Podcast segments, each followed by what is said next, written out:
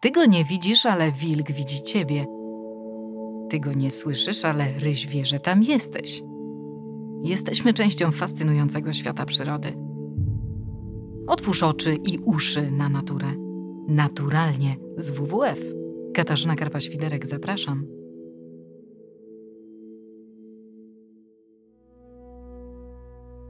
Jest i on, król puszczy. I to, że jest, wcale nie jest oczywiste.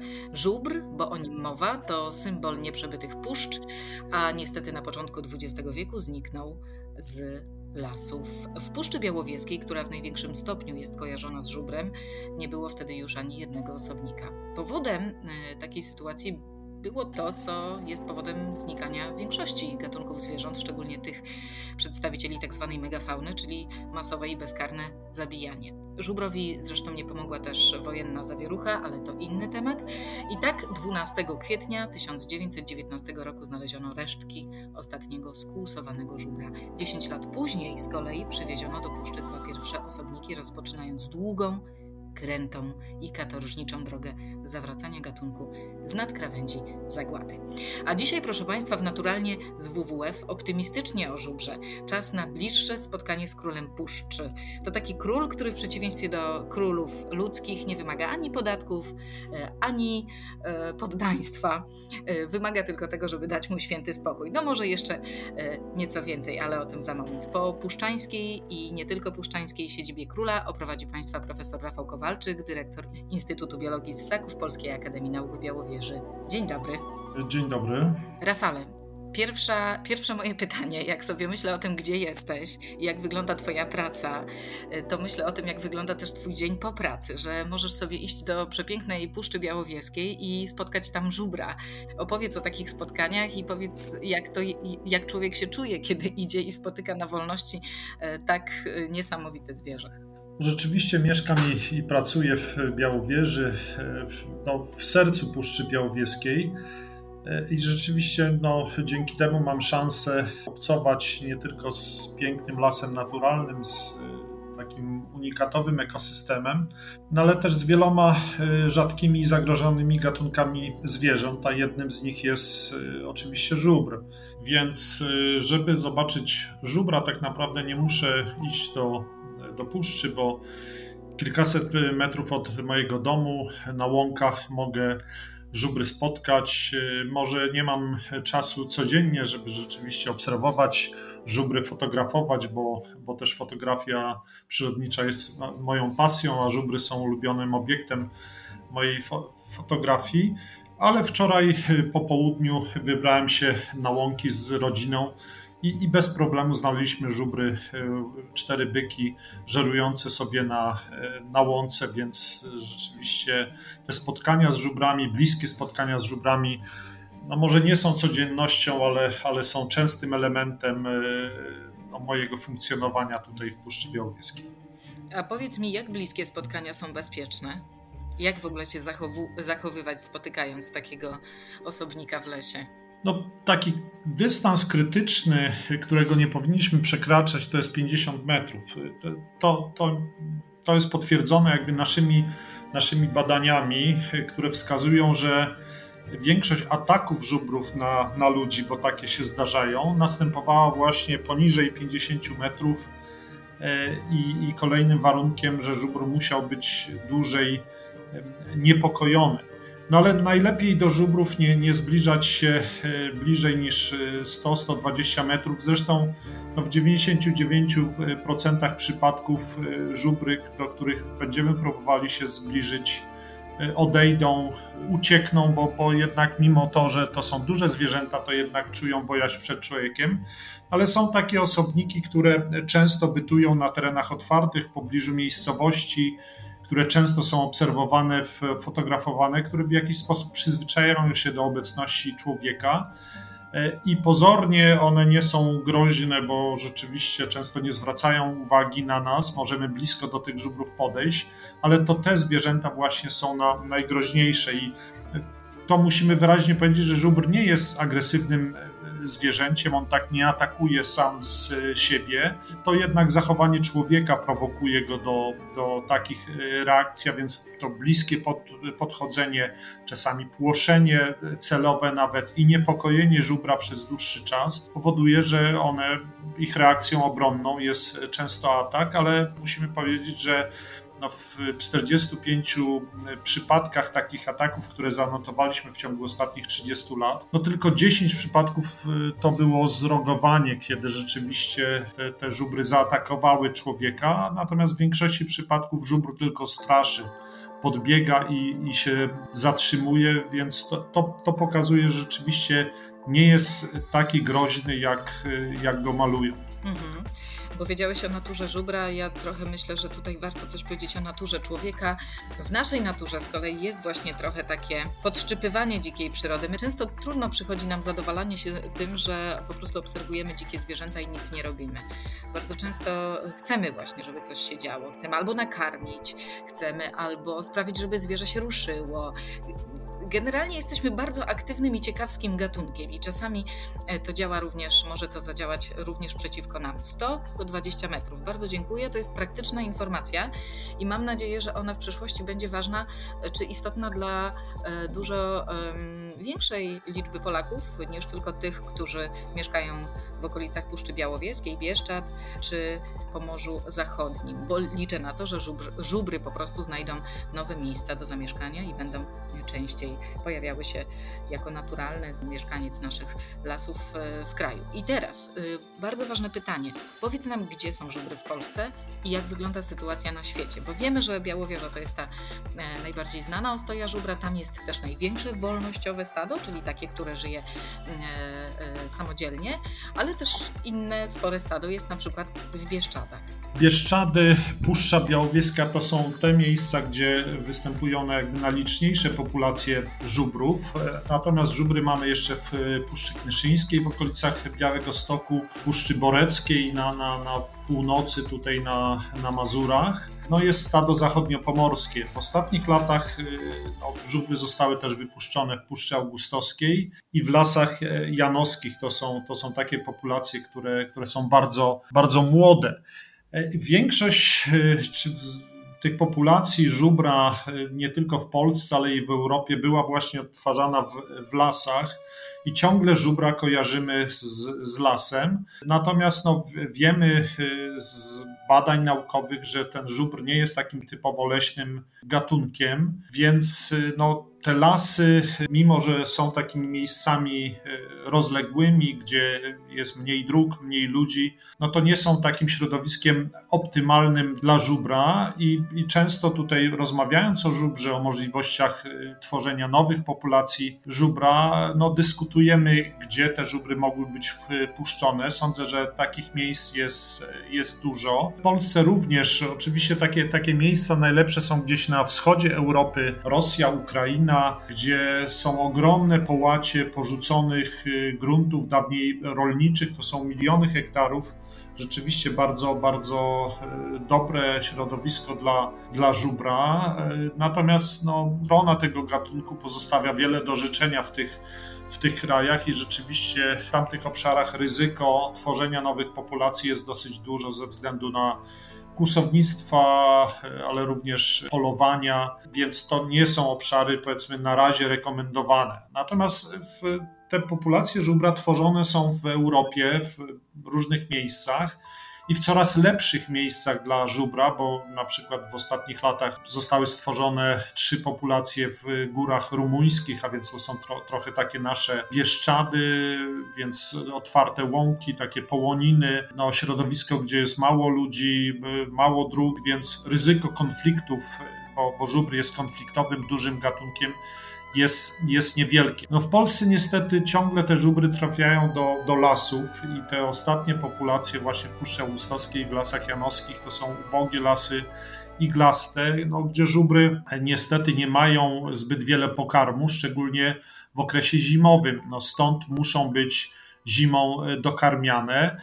A powinniśmy rzeczywiście szukać takich miejsc, gdzie żubr będzie mógł funkcjonować bez pomocy człowieka, czy z ograniczoną pomocą człowieka. I takimi obszarami są raczej tereny otwarte, które są bardzo produktywne, tam jest duża biomasa roślinności, która również w postaci suchej, suchej trawy jest dostępna zimą. I takie środowiska e, kiedyś przed tysiącami lat były zasiedlane przez, przez żubry właśnie takie środowiska też są zasiedlane przez bizony w Stanach Zjednoczonych, prawda? To jest takie ciekawe, że bizony amerykańskie pochodzą od naszych żubrów, prawdopodobnie tak to genetycznie wygląda.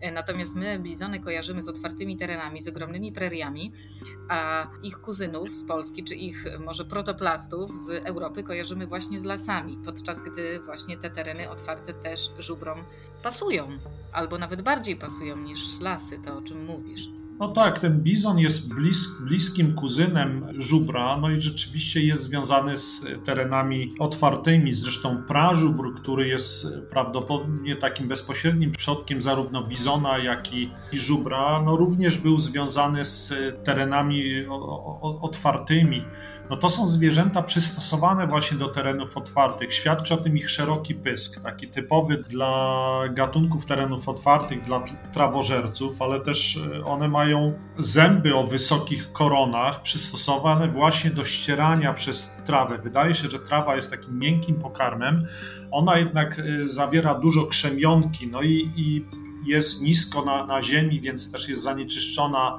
pyłem, piachem, więc to, to ta krzemionka i ten, ten pył, piach na trawie powoduje, że zęby tych gatunków z terenów otwartych szybko się ścierają, więc one rzeczywiście muszą mieć wysokie korony, no aby starczyło im tych zębów na, na całe życie. Te gatunki ży, żywiące się pokarmem takim bardziej drzewiastym, liśćmi, pędami drzew mają zęby o niskich koronach, bo ten pokarm rzeczywiście no, mniej ściera to to uzębienie, więc te, te przystosowania żubra e, morfologiczne, ale też te, ta historia ewolucyjna, więc pochodzenie od zwierzęcia związanego z terenami otwartymi, no, powoduje rzeczywiście, że no, odczarowujemy powoli ten wizerunek króla puszczy, za jakiego używa się, uważa się żubra. I coraz częściej mówimy o tym, że, że jednak te, te lasy, y, mimo tego, że żubry rzeczywiście przez wieki, a może nawet tysiąclecia w tych lasach występowały, były takimi obszarami, które dawały schronienie żubrów, dzięki którym żubry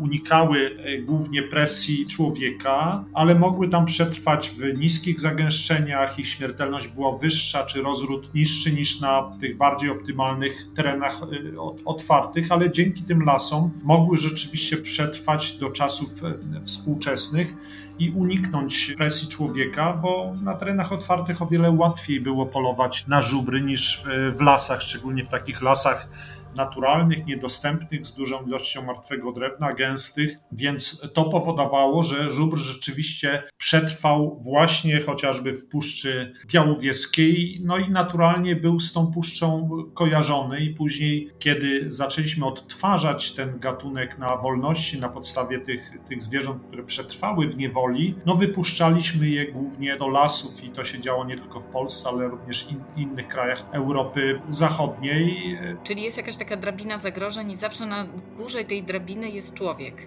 No niestety, niestety tak i szczególnie te duże zwierzęta, jak i żubra, żubr jest największym lądowym w tej chwili zwierzęciem Europy, są szczególnie na, narażone, dlatego że no, są widoczne, bo są duże, łatwiej je znaleźć niż jakieś małe zwierzęta oferują często dużo y, mięsa jak, jako pożywienie, więc to jest ważne, więc przyciągają y, uwagę człowieka i to właśnie te duże zwierzęta no, są najbardziej zagrożone i w przeszłości, y, tak jak powiedziałaś, ta megafauna szybko znikała z obszaru nie tylko Europy, no bo to były zwierzęta, na, na które ta presja człowieka była głównie e, nakierowana. Tak, ja za chwilę bym chciała więcej o tym powiedzieć, jak jedni ludzie próbują naprawiać błędy drugich i jak znika megafauna nie tylko w Europie, ale też na całym świecie. Patrz słoń, który w tym od tego roku wszystkie gatunki są zagrożone wyginięciem. Ale jedno chciałam jeszcze uściślić.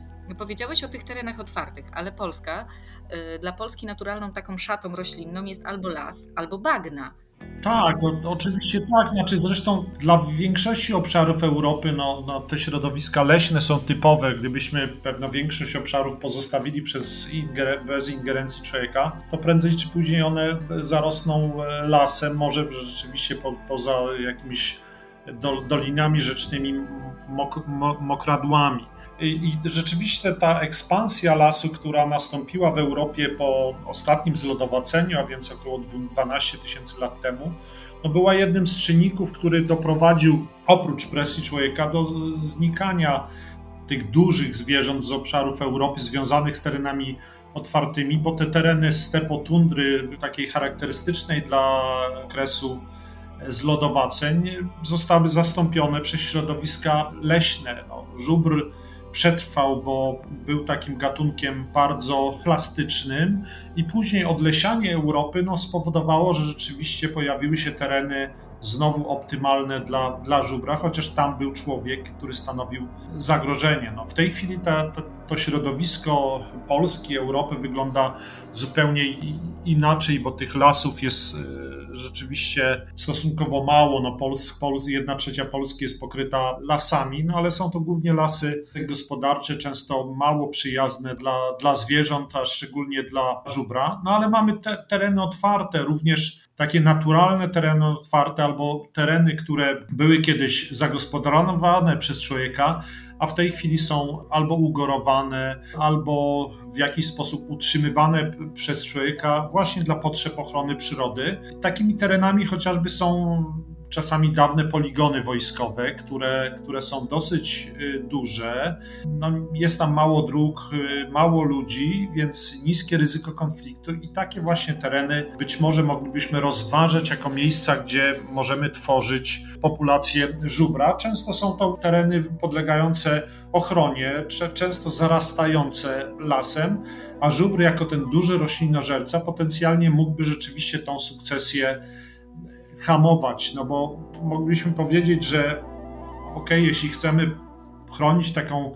nieskażoną przyrodę, e, naturę, to powinniśmy pozwolić tym terenom e, zarosnąć, no ale jeśli chcemy chronić takie gatunki jak żubr, to do pewnego stopnia powinniśmy takie tereny otwarte e, utrzymywać. Oczywiście powinny to być naturalne łąki, naturalnie kształtowane przez, przez te właśnie duże zwierzęta, a te tereny zarastają, dlatego że właśnie brakuje tych dużych roślinożerców na wielu obszarach i dlatego żubr, ale też inne takie gatunki duże są rzeczywiście w, po, potrzebne, aby wspierać tą bioróżnorodność związaną również z tymi terenami otwartymi, które często niestety e, są pochodzenia antropogenicznego. Byłam na takim poligonie, na którym jest wolnościowe stado żubrów, na poligonie drawskim i faktycznie to jest niesamowite przeżycie. One, one sobie tam żyją pół dziko, bo też są dokarmiane, to powiedzmy sobie jasno, ale fantastycznie radzą sobie na przykład z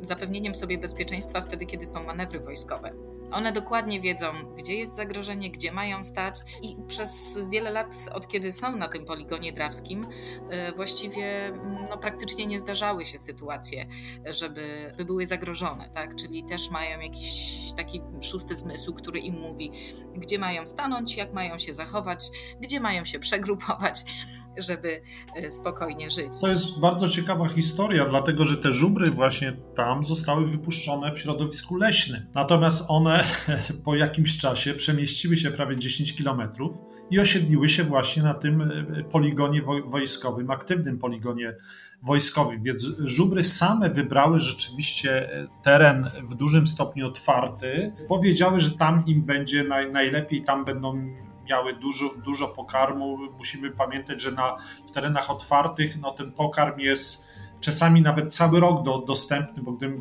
gdy mamy lżejsze zimy, to trawa jest zielona na, na łąkach prawie cały, cały rok, a na pewno ona wcześniej się pojawia i później i znika niż w środowiskach leśnych, gdzie w zasadzie no, pierwsza roślinność pojawia się na przełomie kwietnia i maja, a już zanika w zasadzie w październiku i to jest okres, kiedy no, ten zimowy, kiedy musimy je dokarmiać, natomiast na, na poligonie tego pokarmu jest więcej. Zresztą y, no, w większości obszarów, gdzie żubry wypuszczono w środowiskach leśnych, prędzej czy później one trafiają na, na środowiska otwarte. Problem w tym, że te, te lasy często są otoczone przez tereny rolnicze, rzepaki, oziminy. Widać to dobrze w Puszczy Knyszyńskiej, gdzie praktycznie cała populacja, ponad 150 zwierząt, no zimą wychodzi poza kompleks Puszczy Knyszyńskiej, oczywiście powodując konflikty, powodując szkody, no ale jest to wynikiem jakby tego, że te, te, te żubry tylko przez część roku mają pokarm w lesie, nie przyzwyczaiły się do dokarmiania i wychodzą na tereny otwarte. Te migracje na tereny otwarte no, w większości populacji są notowane, co też pokazuje tą, tą naturalną selekcję terenów otwartych przez przez żubry, one najlepiej wiedzą, jakie środowisko dla nich jest, e, jest najlepsze. A na jakim terytorium bytuje żubr? Jakiego on obszaru potrzebuje? To oczywiście zależy od, od środowiska, ale tutaj w Puszczy Białowieskiej e, no, żubry, takie, taki areał użytkowany przez e, pojedynczego byka czy, czy, czy stado krów z młodzieżą, z cielętami, to jest około 70 km kwadratowych. No ale Puszcza jest takim środowiskiem dosyć bogatym. To jest bogaty las, w którym też jest sporo takich terenów otwartych, naturalnych, jak doliny rzeczne bądź jakiś polan, które były kiedyś czasach historycznych tutaj wycięte i zagospodarowane na terenie Puszczy.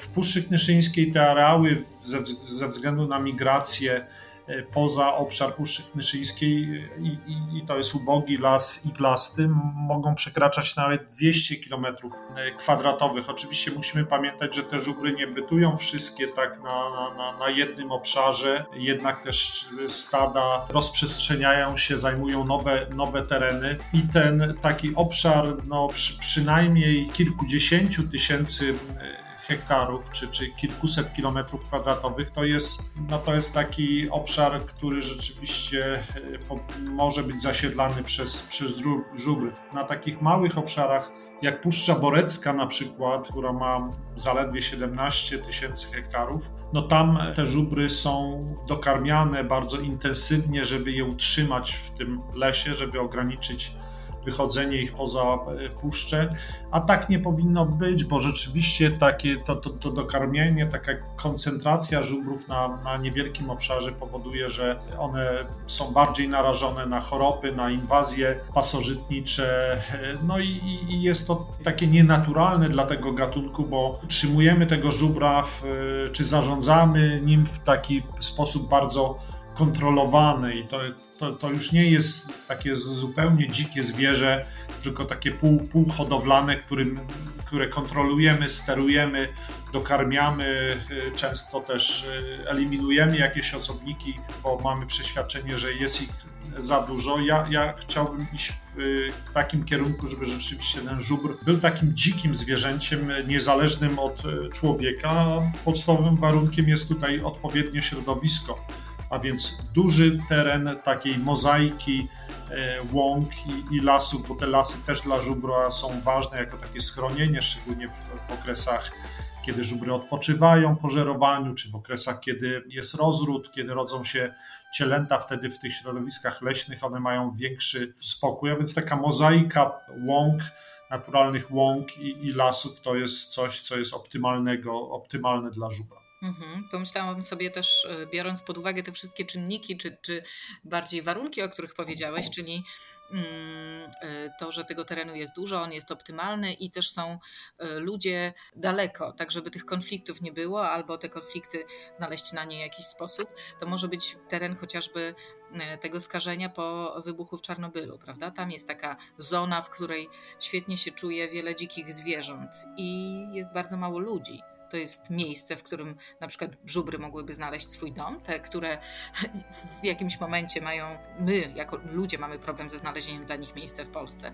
Tak, i, i żubry tam, tam są. Taka, taka populacja występuje po, po jakby białoruskiej części tej strefy. Te żubry, zresztą nie tylko żubry, doskonale się tam tam czują. To jest taki obszar właśnie, no, który kiedyś w dużym stopniu był obszarem otwartym. W tej chwili zarasta, dziczeje, jest tam bardzo ograniczona jakby presja człowieka i to są, to są tereny, gdzie ta dzika przyroda z tymi gatunkami również dużych zwierząt odtwarza się w sposób e, naturalny. Oczywiście, jeśli chodzi o żubra, no on występuje e, w kilkudziesięciu już populacjach, jednak które są izolowane często przez dystans geograficzny, bariery czy jakieś rozległe tereny otwarte, więc my e, musimy pomagać żubrom, żeby trafiły w jakieś nowe, nowe e, miejsca. To ja teraz podsumowując tą naszą e, część naszej rozmowy, gdzie opowiadamy o ilości żubrów i o tym, gdzie one żyją, to powiem, że od 2003 do 2019 roku populacja europejskiego żubra wzrosła z 1800 do ponad 6000 osobników, czyli to wygląda na sukces, tym bardziej, że e, w Czerwonej Księdze IUCN żubr nie jest już gatunkiem narażonym na wyginięcie, tylko jego kategoria zagrożenia jest niższa, czyli jest bliski zagrożeniu. Tak, w tej chwili mamy, ja mogę powiedzieć, takie ostatnie dane, y, to jest y, na wolności żyje ponad 6800 żubrów, to są dane z 2020 roku. E, oprócz tego żubry są oczywiście w hodowlach e, zamkniętych, blisko 1800 zwierząt. I w takich hodowlach półwolnych, to jest 500 osobników, te hodowle półwolne to są takie hodowle zazwyczaj ogrodzone, gdzie już nie jest się w stanie ustalić, kto jest matką, kto jest ojcem, ojcem e, cielęcia, więc nie jesteśmy w, w stanie śledzić rodowodu żubrów, tak jak w hodowlach zamkniętych. W sumie to jest ponad 9 tysięcy e, osobników, no ale te zwierzęta żyjące na wolności to jest, to jest jakby ta najważniejsza część e, populacji żubrów. Żubrów przybywa, przybywa też nowych populacji w ostatnich latach. No, e, już powiedziałem, że pojawiły się żubry w Rumunii, ale też powstała populacja na, na Łotwie czy, czy nawet w Bułgarii. I żubr rzeczywiście stał się takim, takim zwierzęciem, który, który jest wprowadzany do, do środowiska. W wielu miejscach zauważa się, że brakuje tych takich dużych roślinożerców, dużych gatunków, które mogłyby właśnie kształtować środowisko, utrzymywać tereny otwarte, które są ważne z powodu ochrony wielu gatunków owadów, motyli, ale, ale i, i roślin. I dotychczas y, często konie czy, czy bydła, więc te udomowione gatunki były wykorzystywane e, właśnie do utrzymywania tych terenów y, otwartych, ale taką rolę mogą spełniać e, właśnie żubry. W związku z tym no, coraz większe zainteresowanie tym, e, tym gatunkiem i, i coraz to nowe miejsca, gdzie żubr się, się pojawia, co powoduje, że ten status ochronny żubra no, się jakby obniża i, i w tej chwili w, ostatnio ten status, tak jak powiedziałeś, zmienił się z gatunku narażonego na bliski zagrożenia, co oczywiście jest y, bardzo optymistyczne, co pokazuje, że, że ta ochrona żubra przynosi y, efekty, co nie znaczy, że no w tej ochronie nie ma y, problemów czy, czy zagrożeń, bo, bo takie są. To jest fantastyczne, co mówisz, bo wygląda na to, że może nie docenialiśmy, albo jakby społeczeństwo nie docenia roli żubra w walce z kryzysem różnorodności biologicznej. I myślę, że to nawet można rozpatrywać na dwa sposoby. Z jednej strony, żubr zmienia ekosystem, także tworzy miejsca czy siedliska dla innych zwierząt, które często też mają podgórkę z uwagi na działalność człowieka, ale też zmianę klimatu. A z drugiej strony, jest takim zwierzęciem charyzmatycznym, które pozwala zainteresować ludzi kwestią kwestią ochrony gatunków, kwestią ochrony przyrody y, i chronić przez to inne zwierzęta. My czasami mówimy o tym, że y, tygrys to jest na przykład taki gatunek, który pozwala chronić wiele innych zwierząt, bo tworząc dla niego siedliska, mówiąc o nim, jednocześnie tworzymy dom dla innych zwierząt. Że słoń jest największym ogrodnikiem świata. No jakby rola tych charyzmatycznych gatunków dla ochrony całej różnorodności biologicznej myślę, że jest totalnie nie do przecenienia. Absolutnie, absolutnie tak. I, i żubr właśnie mm, jest, i, i, ale ma szansę w większym stopniu stać się takim symbolem takich, takich gatunków. Jest, tak jak powiedziałeś, gatunkiem takim bardzo charyzmatycznym. No jest największym lądowym zwierzęciem Europy. Jest potencjalnie zwierzęciem groźnym, no bo, bo, bo ma, ma rogi, ma dużą, dużą masę. Tak, takie zwierzęta rzeczywiście przyciągają uwagę. No jest też gatunkiem rzadkim, więc ludzie poszukują kontaktu z takim zwierzęciem. Podróżują w te miejsca jak Puszcza Białowieska czy inne miejsce, żeby, żeby spotkać się z tym potężnym, majestatycznym zwierzęciem, fotografować go i to, to jest ważne, więc żubr może być takim, takim ambasadorem ochrony bioróżnorodności, ale też jest gatunkiem, tak zwanym gatunkiem parasolem, którego ochrona sprzyja ochronie wielu innych gatunków, bo działania w środowisku, które sprzyjają żubrowi, ale więc utrzymanie tych terenów otwartych jest też ważne dla wielu innych gatunków, ale też żubr jest, y, no, spełnia bardzo ważną rolę ekologiczną. No, powiedzieliśmy już o tym y, utrzymywaniu terenów otwartych. Nasze ostatnie badania pokazują, że rzeczywiście przy określonych liczebnościach, zagęszczeniach żubry mogą hamować sukcesję lasu i utrzymywać te tereny otwarte, ale też żubr roznosi y, nasiona wielu, wielu roślin, takich, które nie mają przystosowań do roznoszenia przez wiatr czy przez, przez wodę i jedyną szansą, żeby się przedostać na, na większe odległości, a żubr no, potrafi y, dziennie przemieszczać odległości nawet kilkunastu kilometrów, jest to szansa na rozniesienie tych, tych nasion, tych, tych, tych roślin, ale też no, odchody żubra to jest miejsce dla środowisko dla wielu gatunków, które no, taką materią y, się odżywiają, ale również po śmierci żubr, który jest potężnym zwierzęciem, jego, jego mięso y, może stanowić pokarm dla wielu gatunków zwierząt i tutaj badania z terenu Puszczy Białowieskiej pokazały, że blisko 40 gatunków ptaków i ssaków drapieżnych od małej sikorki aż po, po, po wilka mogą korzystać właśnie z padliny żubra i dzięki tym rozmiarom e, ta, ta padlina żubrów utrzymuje się w środowisku bardzo długo, więc może rzeczywiście być źródłem pokarmów dla wielu gatunków dosyć, dosyć długo. Później na tych resztkach żerują różne gatunki owadów padlinożernych, zresztą niektóre gatunki są związane właśnie z tymi dużymi zwie, zwierzętami. E, no, pewno tutaj dłużej można by mówić o tej, o tej roli żubra. Na pewno rola żubra jako takiego gatunku wspierającego bioróżnorodność jest rzeczywiście bardzo, e, bardzo ważna. I z tych powodów e, no, powinniśmy zabiegać o to, żeby te żubry trafiały w coraz to nowe, nowe miejsca, co jest też związane z jakby z bezpieczeństwem ochrony gatunku, bo im tych żubrów będzie więcej, ich będą, im będą na większym obszarze, im będzie więcej populacji, tym bezpieczeństwo tego gatunku jest, jest ważne, a mówię o tym bezpieczeństwie również ze względu na, na choroby, które dotykają ten gatunek. No, w Bieszczadach y, pojawiła się gruźlica bydlęca, no telazjoza również, ale, ale jest też taka choroba niebieskiego języka, która e, w przeszłości dotknęła jedną z e, zamkniętych hodowli w, w Niemczech, która jest roznoszona przez takie komaropodobne e, owady występujące bardziej na południu Europy, a wraz z ociepleniem klimatu zasięg tych owadów, a więc chorób też, które są przez nie roznoszone, będzie się zmieniał, więc tych czynników zagrażającym żubrom, ale też innym zwierzętom e, no, może być więcej. Dlatego im bardziej rozprzestrzeniony będą populacje żubra, ich będzie im więcej, tych, e, to bezpieczeństwo ich przetrwania w długim okresie czasu jest większe. Powiedziałeś, Rafale, o ssakach drapieżnych, które również korzystają z mięsa żubra, to ja jeszcze trochę sarkastycznie dorzucę, że homo sapiens też korzysta. Niestety ciągle żubry są też kłusowane. Y, w... Niedawno była sytuacja, kiedy myśliwy i wtedy leśnik też niestety po prostu zastrzelił żubra, został za to skazany na y, karę więzienia.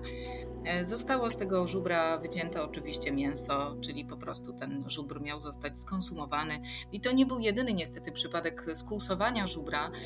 Człowiek człowiek ciągle wydaje się być tym e, najbardziej niebezpiecznym czynnikiem dla tego zwierzęcia.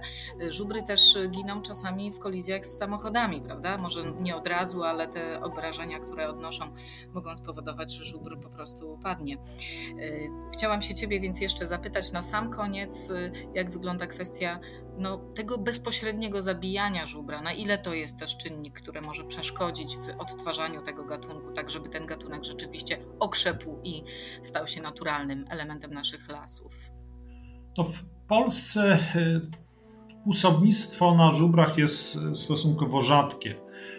W latach 90. na Ukrainie rzeczywiście kłusownictwo i, i, również legalne polowania doprowadziły do załamania się tam populacji, gdzie żyło 600 żubrów i, i na początku lat 90. w wyniku transformacji i rozluźnienia tych reżimów ochronnych ta liczebność spadła do e, niewiele powyżej 200 osobników i w zasadzie się nie, nie, nie podniosła. U nas takiej sytuacji nie było. Tych zagrożeń jest, jest ciągle ba, bardzo dużo, bo oprócz tego, że no, żubrów ciągle jest, jest mało, ten obszar ich występowania jest ograniczony, ale są też choroby, e, pasożyty, e, czy, czy te kolizje, o których e, wspomniałaś, no ale jednym z najważniejszych takich zagrożeń to, to jest to, to podejście do żubra jak do gatunku takiego półhodowlanego, a więc to zarządzanie oparte na takich metodach hodowlanych, w których chcemy żubry dokarmiać, eliminować, a, a jednak powinniśmy iść w kierunku no, takiego, żeby ten żubr stał się bardziej dziki, bardziej niezależny od y, człowieka. Jest wie, wiele miejsc, gdzie rzeczywiście taki, taką ochronę możemy realizować. Y, kiedy mówisz o wiedzy, to ja jeszcze dodam, że ta wiedza jest potrzebna właściwie wszystkim nam, nie tylko tym, którzy zarządzają czy jakby zajmują się ochroną przyrody w Polsce, ale też zwykłym ludziom, bo kiedy nie ma wiedzy, to są podejmowane złe decyzje. Do tej pory wraca e, ta informacja z Niemiec, jak to żubr z Polski przeszedł na niemiecką stronę i został zabity, bo po prostu ludzie nie wiedzieli, co to za zwierzę, bali się go, więc uznali, że trzeba go wyeliminować. Ta sprawa skończyła się w sądzie, więc na szczęście osoby odpowiedzialne za tą lekkomyślną decyzję po, poniosły konsekwencje, ale to jest tylko jeden e, z najbardziej najbardziej drastycznych przykładów, jak, wiedzy, jak brak wiedzy może mm, być kosztowny dla, przede wszystkim dla zwierząt, ale także w konsekwencji dla ludzi. Więc ja bym sobie życzyła, żeby jak najwięcej ludzi posłuchało naszą rozmowę y, i dowiadywało się o żubrach, przyjeżdżało do Białowieży, przyjeżdżało w Bieszczady, przyjeżdżało w Zachodniopomorskie i zostawiało pieniądze tam, gdzie są ludzie, którzy przeznaczą je także na ochronę przyrody. Absolutnie tak. Ja zapraszam y, do, do Puszczy Białowieskiej, która jest no, pięknym, y, naturalnym lasem unikatowym, jedynym w Polsce przyrodniczym obiektem światowego dziedzictwa, ale miejscem, gdzie y, są żubry, gdzie, gdzie są wilki, gdzie są rysie, ale też wiele innych gatunków bardzo charyzmatycznych. Przy odrobinie szczęścia można je, je, je spotkać a żubra przy rzeczywiście pewnym wysiłku, szczególnie teraz w okresie jesiennym, zimowym czy, czy wiosennym, kiedy żubry są e, często na terenach otwartych, można w zasadzie spotkać e, bez problemu. To są niezapomniane e, przeżycia, więc ja zachęcam do, do odwiedzania Puszczy Białowieskiej. Bardzo serdecznie dziękuję. Życzę Tobie, Rafale, i wszystkim Państwa spotkań z żubrami, tych bezpiecznych na odległość 100-120 metrów. Nasz podcast jest okraszony zdjęciem naszego dzisiejszego gościa. Dzięki za spotkanie i wszystkiego dobrego. Dziękuję. Otworzyłeś oczy i uszy na naturę? Naturalnie z WWF. Więcej naszych rozmów znajdziesz w najpopularniejszych aplikacjach podcastowych – Zajrzyj też na stronę www.pl. Katarzyna Karpa-Świderek. Do usłyszenia.